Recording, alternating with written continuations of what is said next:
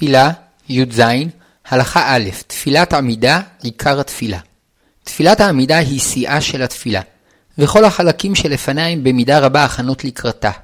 שהמתפלל עולה ממדרגה למדרגה, מקורבנות לפסוקי דזמרה, ומפסוקי דזמרה לברכות קריאת שמע, עד אשר הוא עולה ונכנס לשער העליון, לעולם האצילות, לעמוד לפני השם בתפילה. ואומנם קריאת שמע היא מצווה מהתורה, וחוברה לאומרה גם בלא קשר לתפילה. מכל מקום תקנו לאומרה עם ברכותיה לפני התפילה, כדי שיהוו הכנה לקראת התפילה.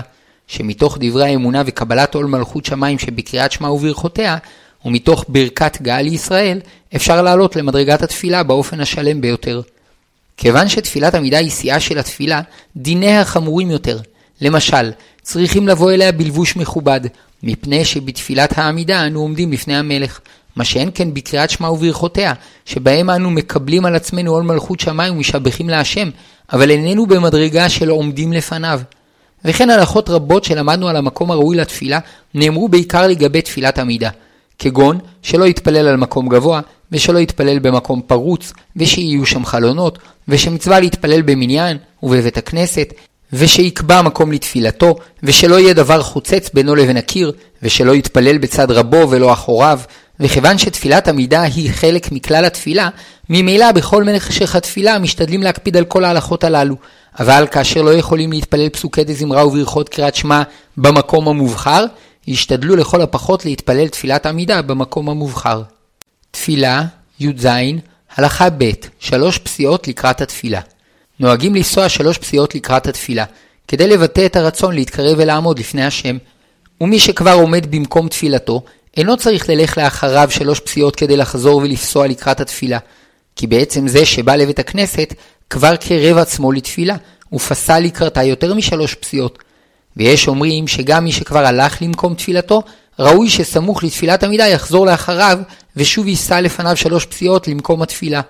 והטוב ביותר להפסיק מעט בין הפסיעות אחורנית לפסיעות קדימה, כדי שלא ייראה כמי שחוזר ובא.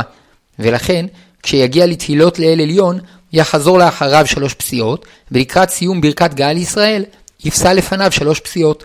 וכן במנחה וערבית, כבר בתחילת הקדיש שלפני התפילה יחזור לאחריו שלוש פסיעות, ולקראת התפילה ייגש לפניו שלוש פסיעות. כדי שלא להפסיק בין גאולה לתפילה, ראוי להקפיד לפסוע את שלוש הפסיעות לפני סיום ברכת גאה לישראל, כדי שמיד אחר סיום הברכה כבר יעמוד במקום התפילה, ויתחיל לומר השם שפתי תפתח, שהוא הפסוק שפותח את התפילה. לפני תפילת עמידה, צריך המתפלל להסיר ממנו את כל הדברים העלולים לטרוד את כוונתו.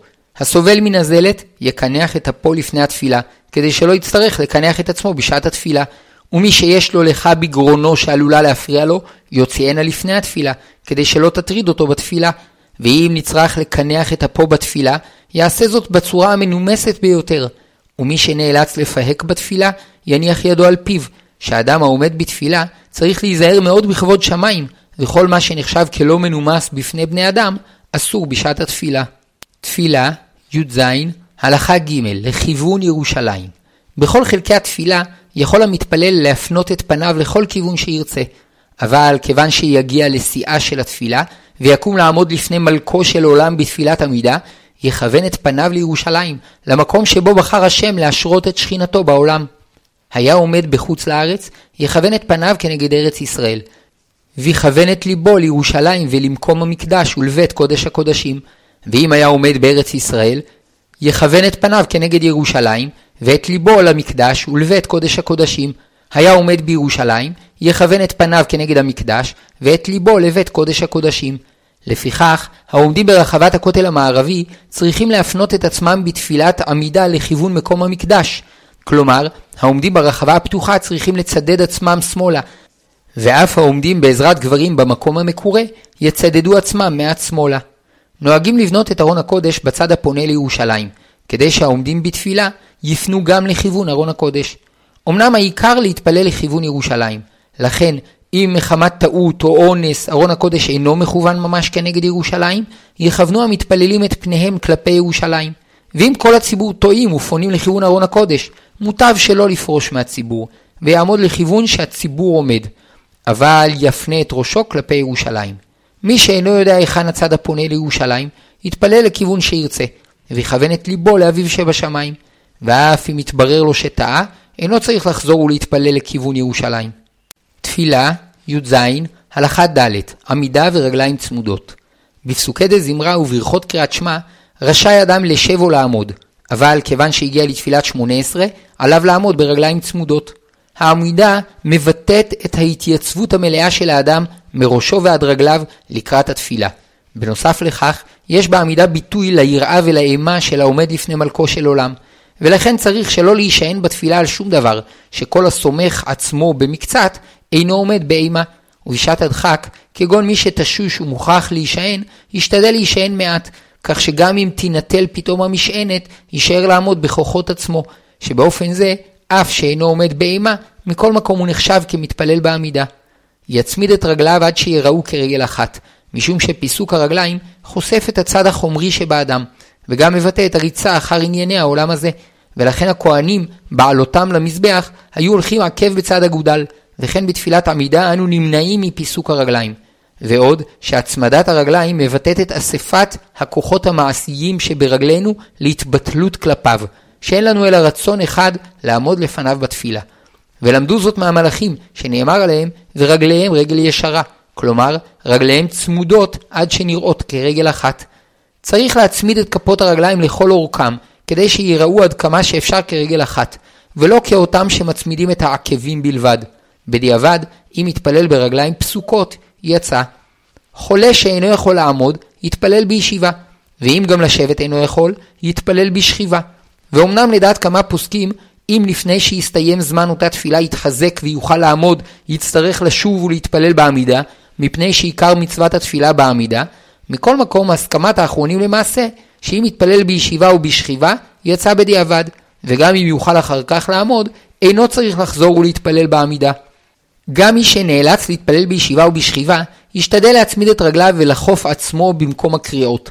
ומי שיושב בכיסא גלגלים, כשיסיים את תפילתו יסיע את עצמו מעט לאחריו, כשיעור שלוש הפסיעות שבהם נפרדים מהתפילה. תפילה, י"ז, הלכה ה' תנוחת הגוף והידיים. צריך המתפלל לחוף מעט את ראשו, שיהיו עיניו למטה דרך ענווה, ויחשוב כאילו הוא עומד בבית המקדש, ויכוון את ליבו למעלה לשמיים. שיבחו המקובלים את המתפלל בעיניים עצומות. אמנם, גם מי שמסתכל בסידור נוהג לכתחילה, ורבים מהאחרונים המליצו להתפלל מתוך הסידור, שעל ידי כך יוכל לכוון יותר בתפילתו. לגבי הידיים, כתב הרמב"ם שיניח ידיו על ליבו כשהן כפותות, יד ימין על יד שמאל, וכך יעמוד כעבד לפני רבו באימה וביראה. וכך כתב השולחן ערוך, וכן מבואר בכוונות הארי, ורבים סוברים שהכל תלוי במנהג המקום, ובמקומו של הרמב"ם אכן נהגו לעמוד לפני מלכים ושרים כפי שכתב, אבל במקומות אחרים נהגו אחרת. למשל, בארצות אדום נהגו לעמוד בידיים שלובות, ובארץ ישמעאל היו עומדים כשידיהם מאחרי גבם, לרמוז כאילו אין להם ידיים בלא רשותו של מי שעומדים לפניו. לפי זה בימינו, בנוסף לדרך שכתב הרמב"ם, אפשר גם לעמוד כשהידיים צמודות לגוף, או כשהן מונחות על הסטנדר, סמוכות לסידור, שגם זה נחשב כעומד דרך כבוד. אבל אין לעמוד כשהידיים בכיסים או על המותניים, שאין ראוי לעמוד כך לפני אנשים מכובדים. רבים נוהגים להתנענע בתפילה, וכתב הרמה שכך ראוי לנהוג לכתחילה, כדי לבטא את ההתרגשות והרעדה שצריכה לאחוז במתפלל, וכדי לשתף את כל הגוף בעבודת התפילה, כדברי הפסוק, כל עצמותי תאמרנה, השם מי כמוך. לעומת זאת, השלה כתב שאין להתנדנד בתפילה, ולהפך, דווקא העמידה בלא תנועה מגבירה את הכוונה. ועוד, שאין דרך כבוד לעמוד ולהתנועע, ואם יבוא אדם לפני מלך בשר ודם ויתחיל להתנדנד בכל גופו, הרי המלך יגרשנו מיד מעל פניו, ואם כן, ודאי שאין לנהוג כך בתפילה. ומה שאמרו שטוב להתנועע, הוא דווקא בעת שלומדים תורה, או בעת שאומרים שירות ותשבחות, אבל בתפילת עמידה שבה אנו עומדים לפני המלך, והיא עמוקה ופנימית, אין ראוי להתנועע כלל, רק שפתיו נאות.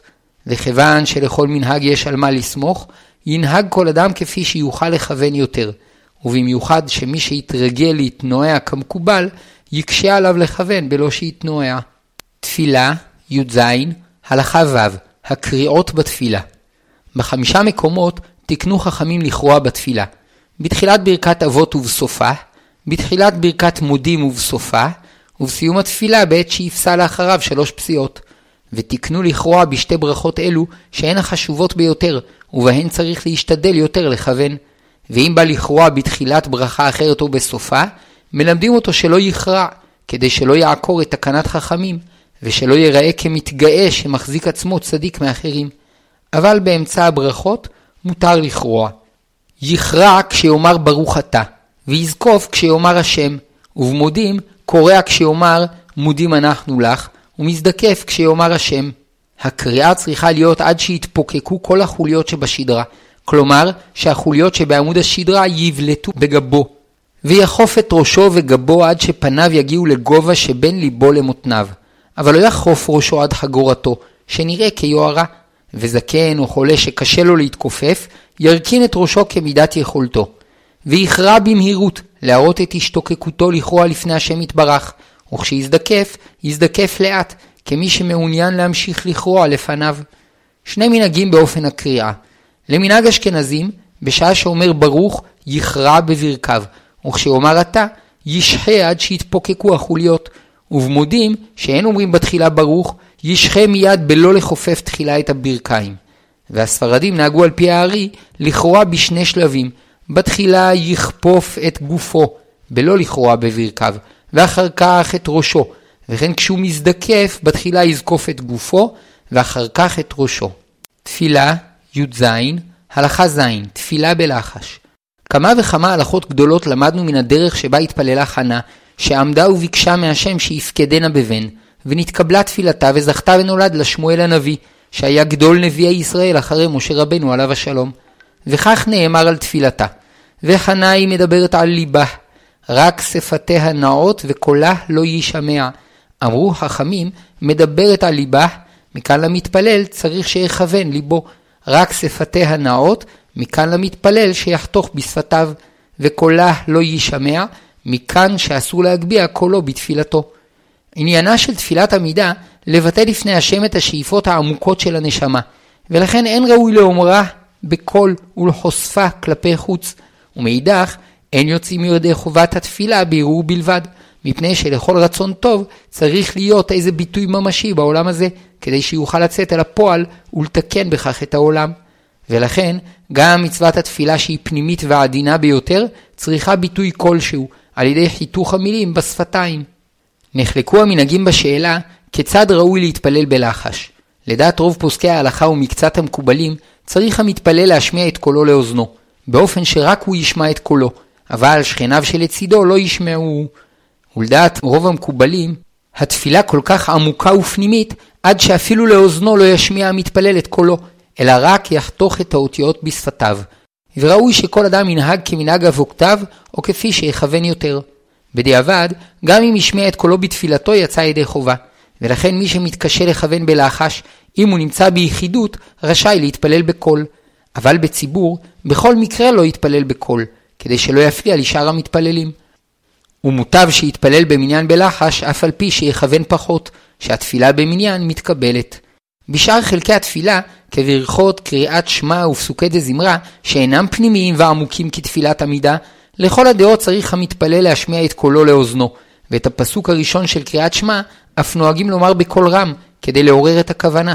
וכן עונים אמן, וברוך הוא וברוך שמו בקול, ובמיוחד על הקדיש יש להשתדל לענות בקול רם.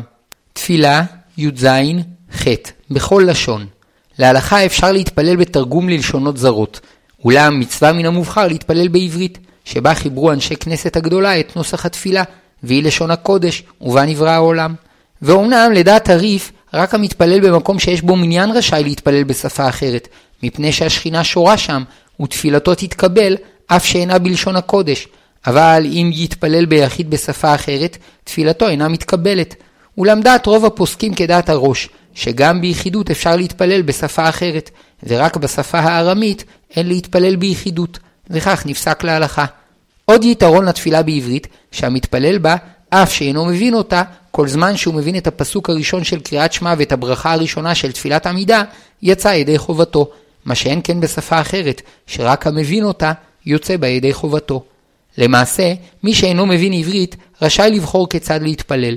מצד אחד יש יתרון לתפילה בשפה שהוא מכיר, שבה יוכל לכוון יותר, ומצד שני, אם יתפלל בעברית, תהיה בידו מעלה שיתפלל בלשון הקודש.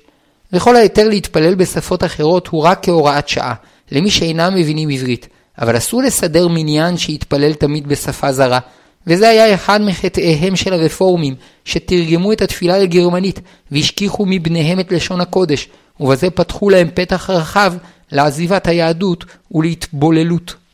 תפילה, י"ז, הלכה ט', כוונה. המתפלל צריך שיכוון, היינו שישים לב למה שהוא אומר, וכן ישתדל שלא להסיח את דעתו לדברים אחרים בתוך התפילה. ואם עלו במוחו מחשבות אחרות, יסלקם מדעתו, ויחזור להתפלל. ואף אם אינו מצליח לכוון בכל המילים, ישתדל לכל הפחות לכוון בחתימת כל ברכה וברכה. ואם אינו יכול לכוון בכל הברכות, יתאמץ לכוון בברכת אבות ובברכת מודים, שהן הברכות שקוראים בתחילתן ובסופן. ולכל הפחות יכוון בברכת אבות, שהיא פותחת את התפילה.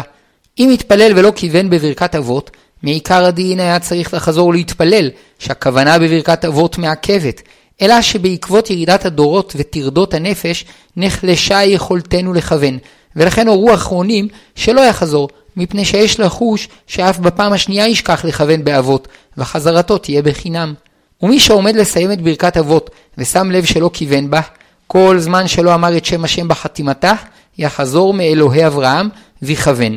ואם אמר שם השם, יחתום את הברכה בכוונה, וטוב שיחזור לערער בליבו את ברכת אבות, שלדעת הרמב"ם, הרהור נחשב כדיבור.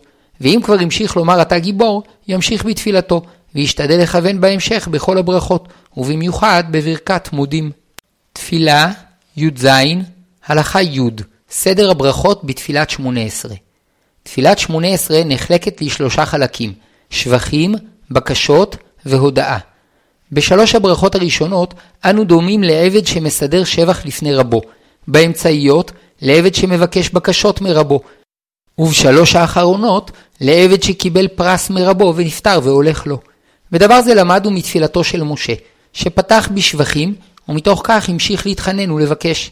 בלא הקדמת השבחים, יש חשש שתפילתנו תדמה לפולחנם של עובדי עבודה זרה, שכל מגמתם לתמרן באופן מגי את הכוחות העליונים לתועלתם.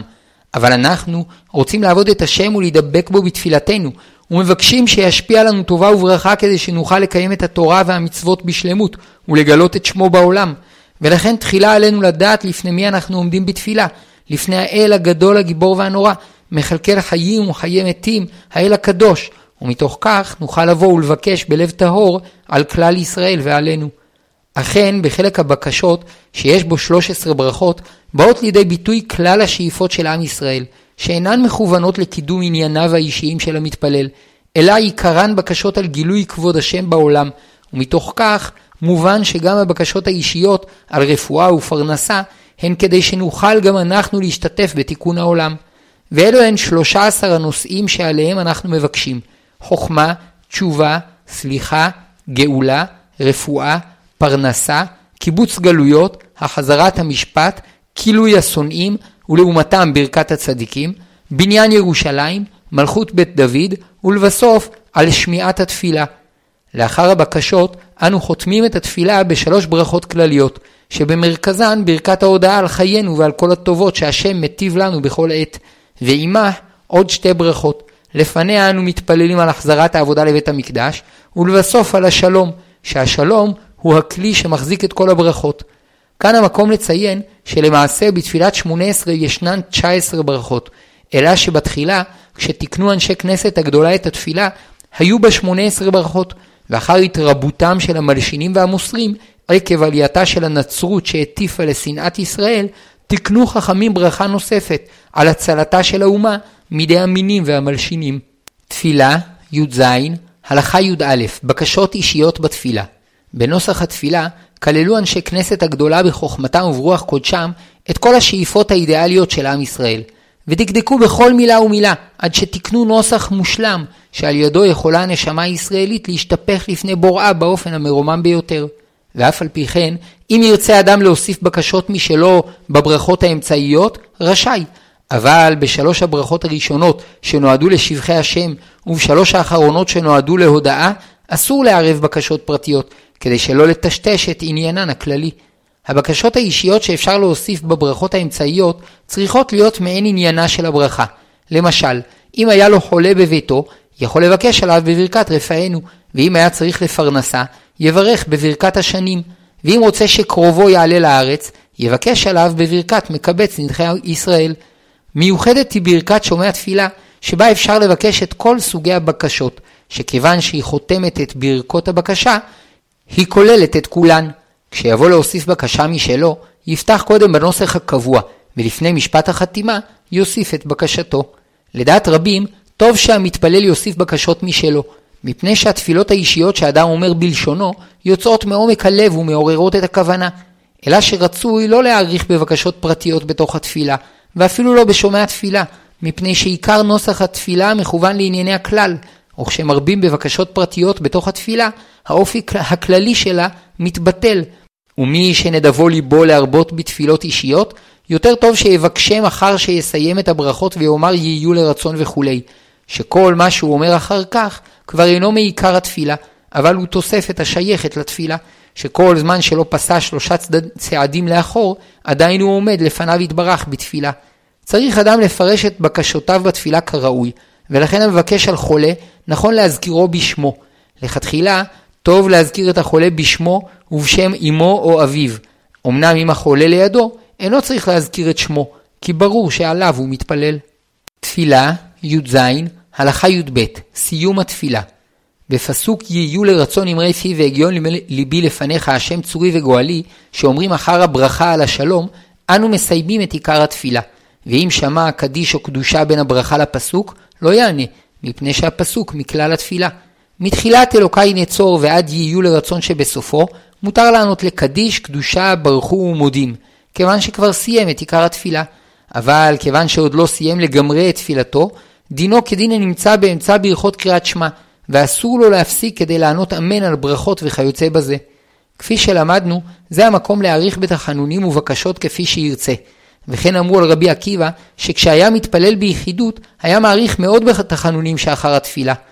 לאחר שיסיים את התחנונים, יאמר שוב יהיו לרצון, ויפסע לאחריו שלוש פסיעות. ואם אינו יכול לפסוע לאחריו, מפני שזה שאחריו עדיין עומד בתפילתו, אף שעדיין לא נפרד מהתפילה, מכל מקום, כיוון שכבר סיים את התחנונים שאחר התפילה, יענה בקול על כל דבר שבקדושה, ואפילו ברוך הוא וברוך שמו, וכן רשאי להמשיך להתפלל ולומר אשרי, ועלינו לשבח, או לומר תהילים, או ללמוד. תפילה, י"ז, הלכה י"ג, שלוש פסיעות לאחריו. לאחר סיום התפילה, יכרע עד שיתפוקקו חוליות שבשדרתו, ויפסע לאחריו בקריאה שלוש פסיעות, ואחר כך בעודו קורע, יפנה לצד שמאל ויאמר עושה שלום במרומיו, ויפנה לצד ימין ויאמר הוא יעשה שלום עלינו, ואחר כך ישתחווה לפניו ויאמר ועל כל ישראל ואמרו אמן, ויזדקף. ורבים נוהגים לומר אחר כך יהי רצון על בניית בית המקדש, שהתפילה כנגד קורבן התמיד, ולכן אנו מבקשים שייבנה בית המקדש, ונוכל להקריב בו את קורבן התמיד. אמרו חכמים שהמתפלל ולא נפרד מהתפילה כראוי בשלוש פסיעות לאחריו ובאמירת עושה שלום, ראוי לו שלא יתפלל, מפני שאם לא נפרד כראוי, משמע שלא הבין שעמד לפני מלך מלכי המלכים הקדוש ברוך הוא, ונמצא מבזה את התפילה. כשיפסע, יעקור תחילה את רגל שמאל, שהיא הרגל החלשה, ובכך יראה שקשה עליו הפרידה מהתפילה. וכל פסיעה תהיה כשיעור כף הרגל, שיהיה אגודלו בצד עקבו, וכך הוא סדר הפסיעות. יישא תחילה ברגל שמאל פסיעה קטנה, כדי שרגל שמאל תעמוד אחר רגל ימין, אחר כך יישא בימין פסיעה גדולה יותר, כדי שרגל ימין תעמוד אחר רגל שמאל, ולבסוף יפסע ברגל שמאל פסיעה קטנה, כדי להשוות את רגליו, וכך יעמוד ברגליים צמודות בעת שיאמר עושה שלום. יקפיד שלא לפסוע פסיעה קטנה מעכב לצד אגודל, כי יש סוברים שבפחות מזה אינו נחשב פסיעה, וכשאין לו מקום לפסוע שלוש פסיעות לאחריו, יפסע לצדדיו, כדי שיהיה בכל פסיעה שיעור עקב בצד אגודל.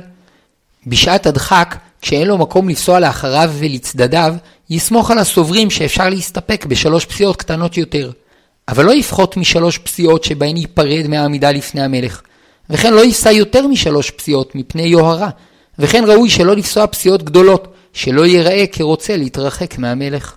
תפילה, י"ז, הלכה י"ד, עד מתי יעמוד בריחוק מקום.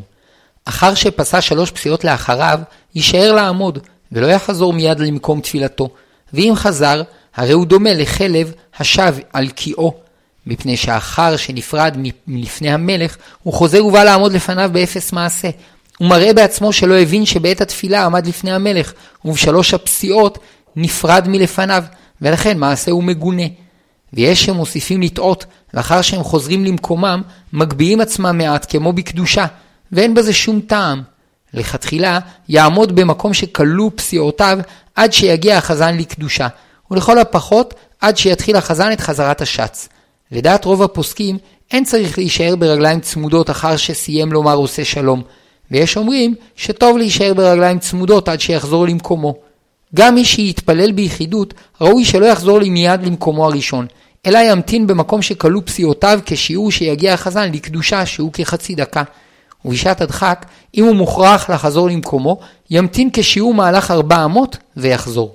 והחזן, שצריך להתחיל חזרת השץ, יכול לכתחילה להמתין במקום שכלו פסיעותיו כשיעור מהלך ארבע אמות בלבד, ואחר כך יחזור למקומו, מפני שאכן הוא ניגש להתפלל שוב חזרת השץ.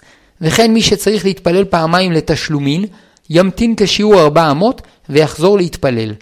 בסיום חזרת השץ, החזן אינו צריך לחזור שלוש פסיעות לאחריו, מפני שהסיום השלם של תפילתו הוא בקדיש תתקבל, שבו הוא מבקש שיתקבלו תפילותינו ובקשותינו, ובסיומו פוסע שלוש פסיעות ואומר עושה שלום.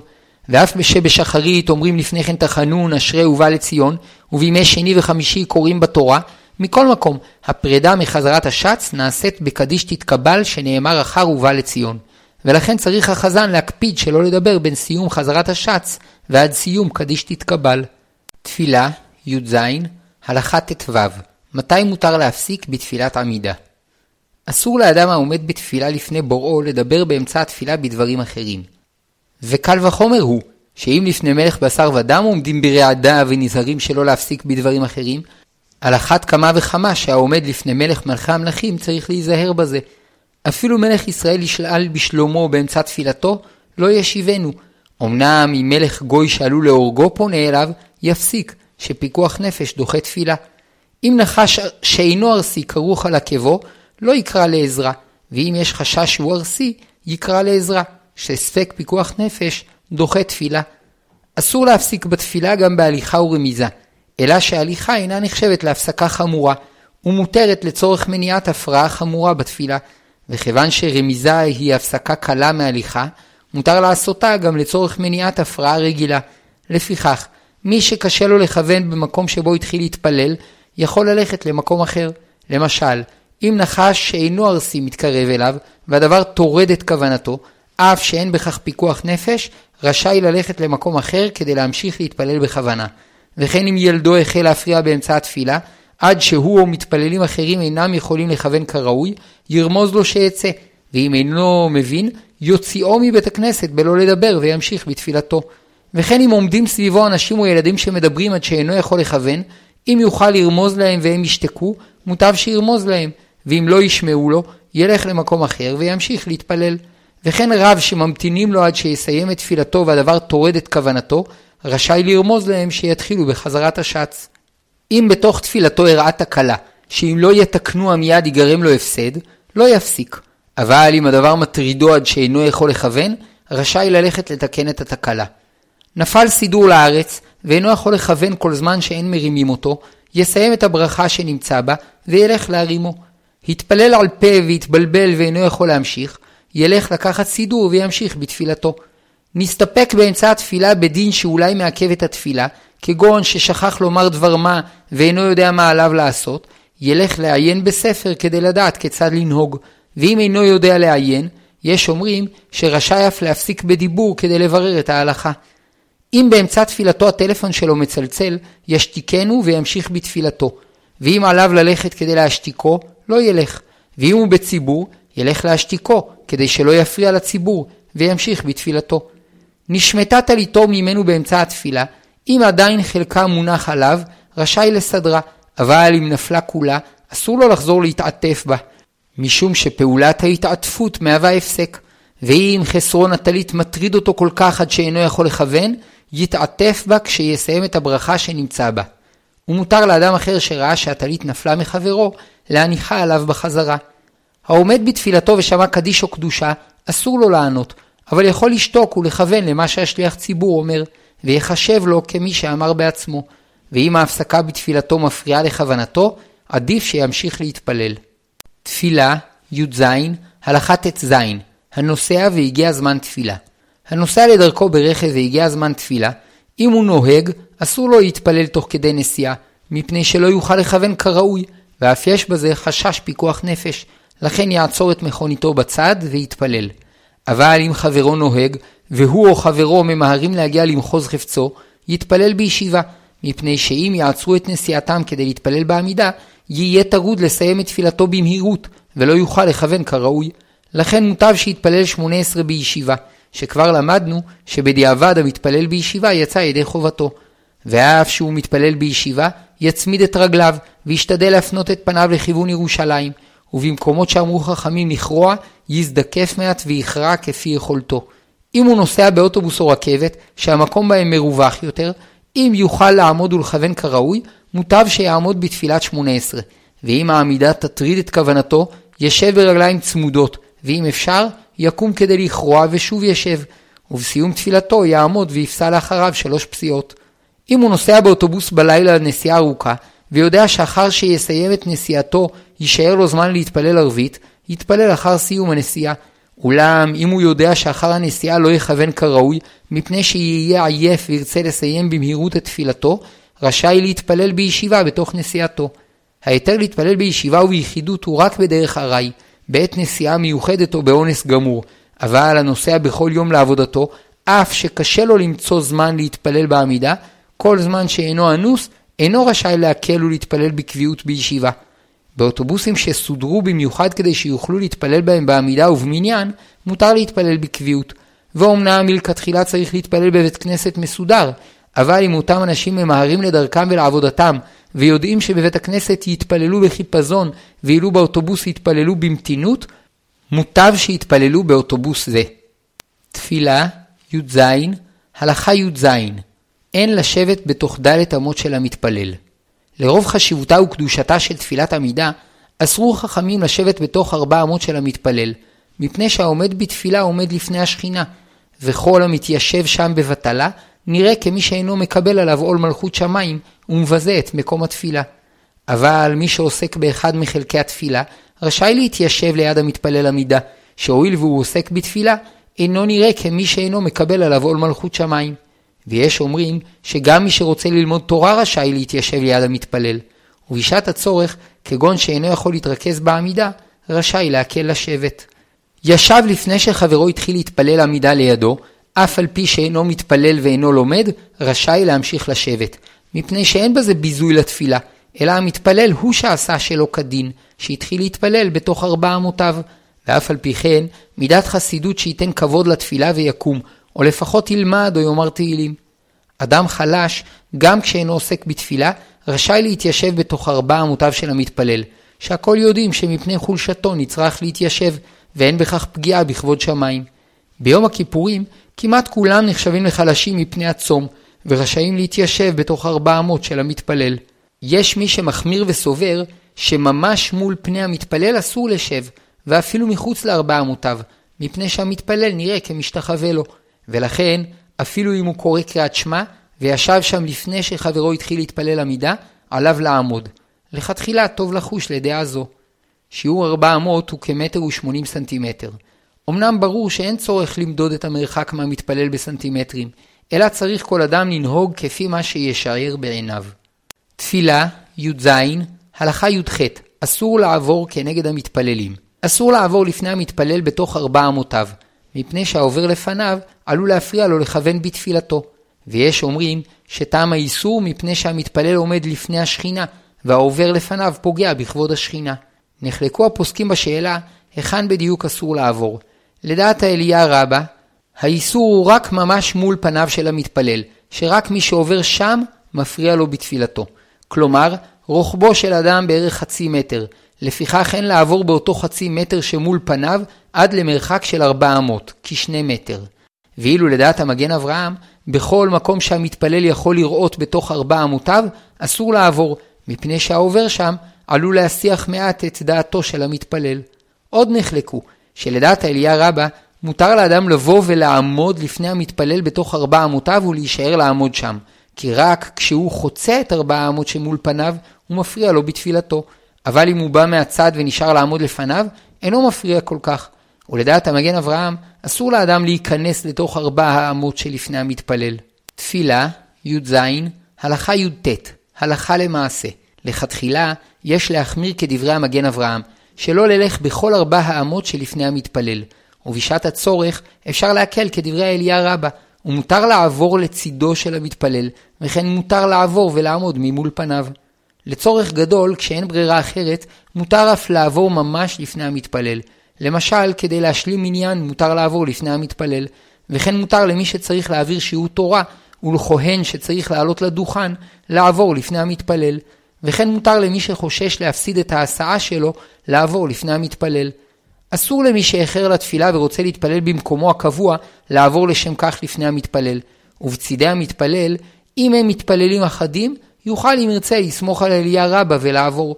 אבל אם לשם כך הוא צריך לעבור בצידי מתפללים רבים, לא יעבור, מפני שקרוב לוודאי שיסיח את דעתו של אחד מהם.